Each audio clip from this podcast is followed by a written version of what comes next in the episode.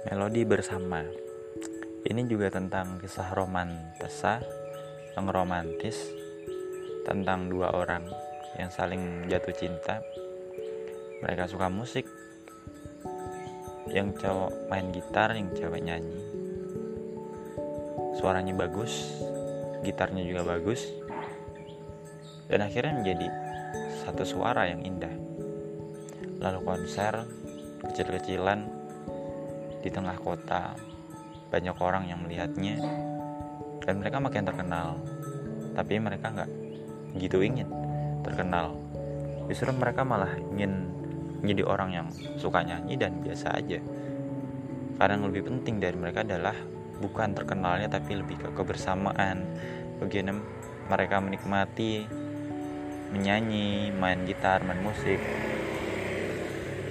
Terus bagaimana mereka bisa berjuang bersama memainkan musik-musik kehidupan ya kan? Saling melengkapi. Jika ada yang kurang dilengkapin. Aku pikir namanya orang itu kan punya jodohnya sendiri-sendiri yang akan bertemu di ruang dan waktu yang misterius. Entah kapan. Nggak ada waktu yang pasti untuk itu tapi itu pasti terjadi cepat atau lambat. Orang yang sekarang sendiri suatu saat dia akan bersama orang yang disukainya orang yang jadi pujaan hatinya. Aku pikir itulah yang disebut melodi.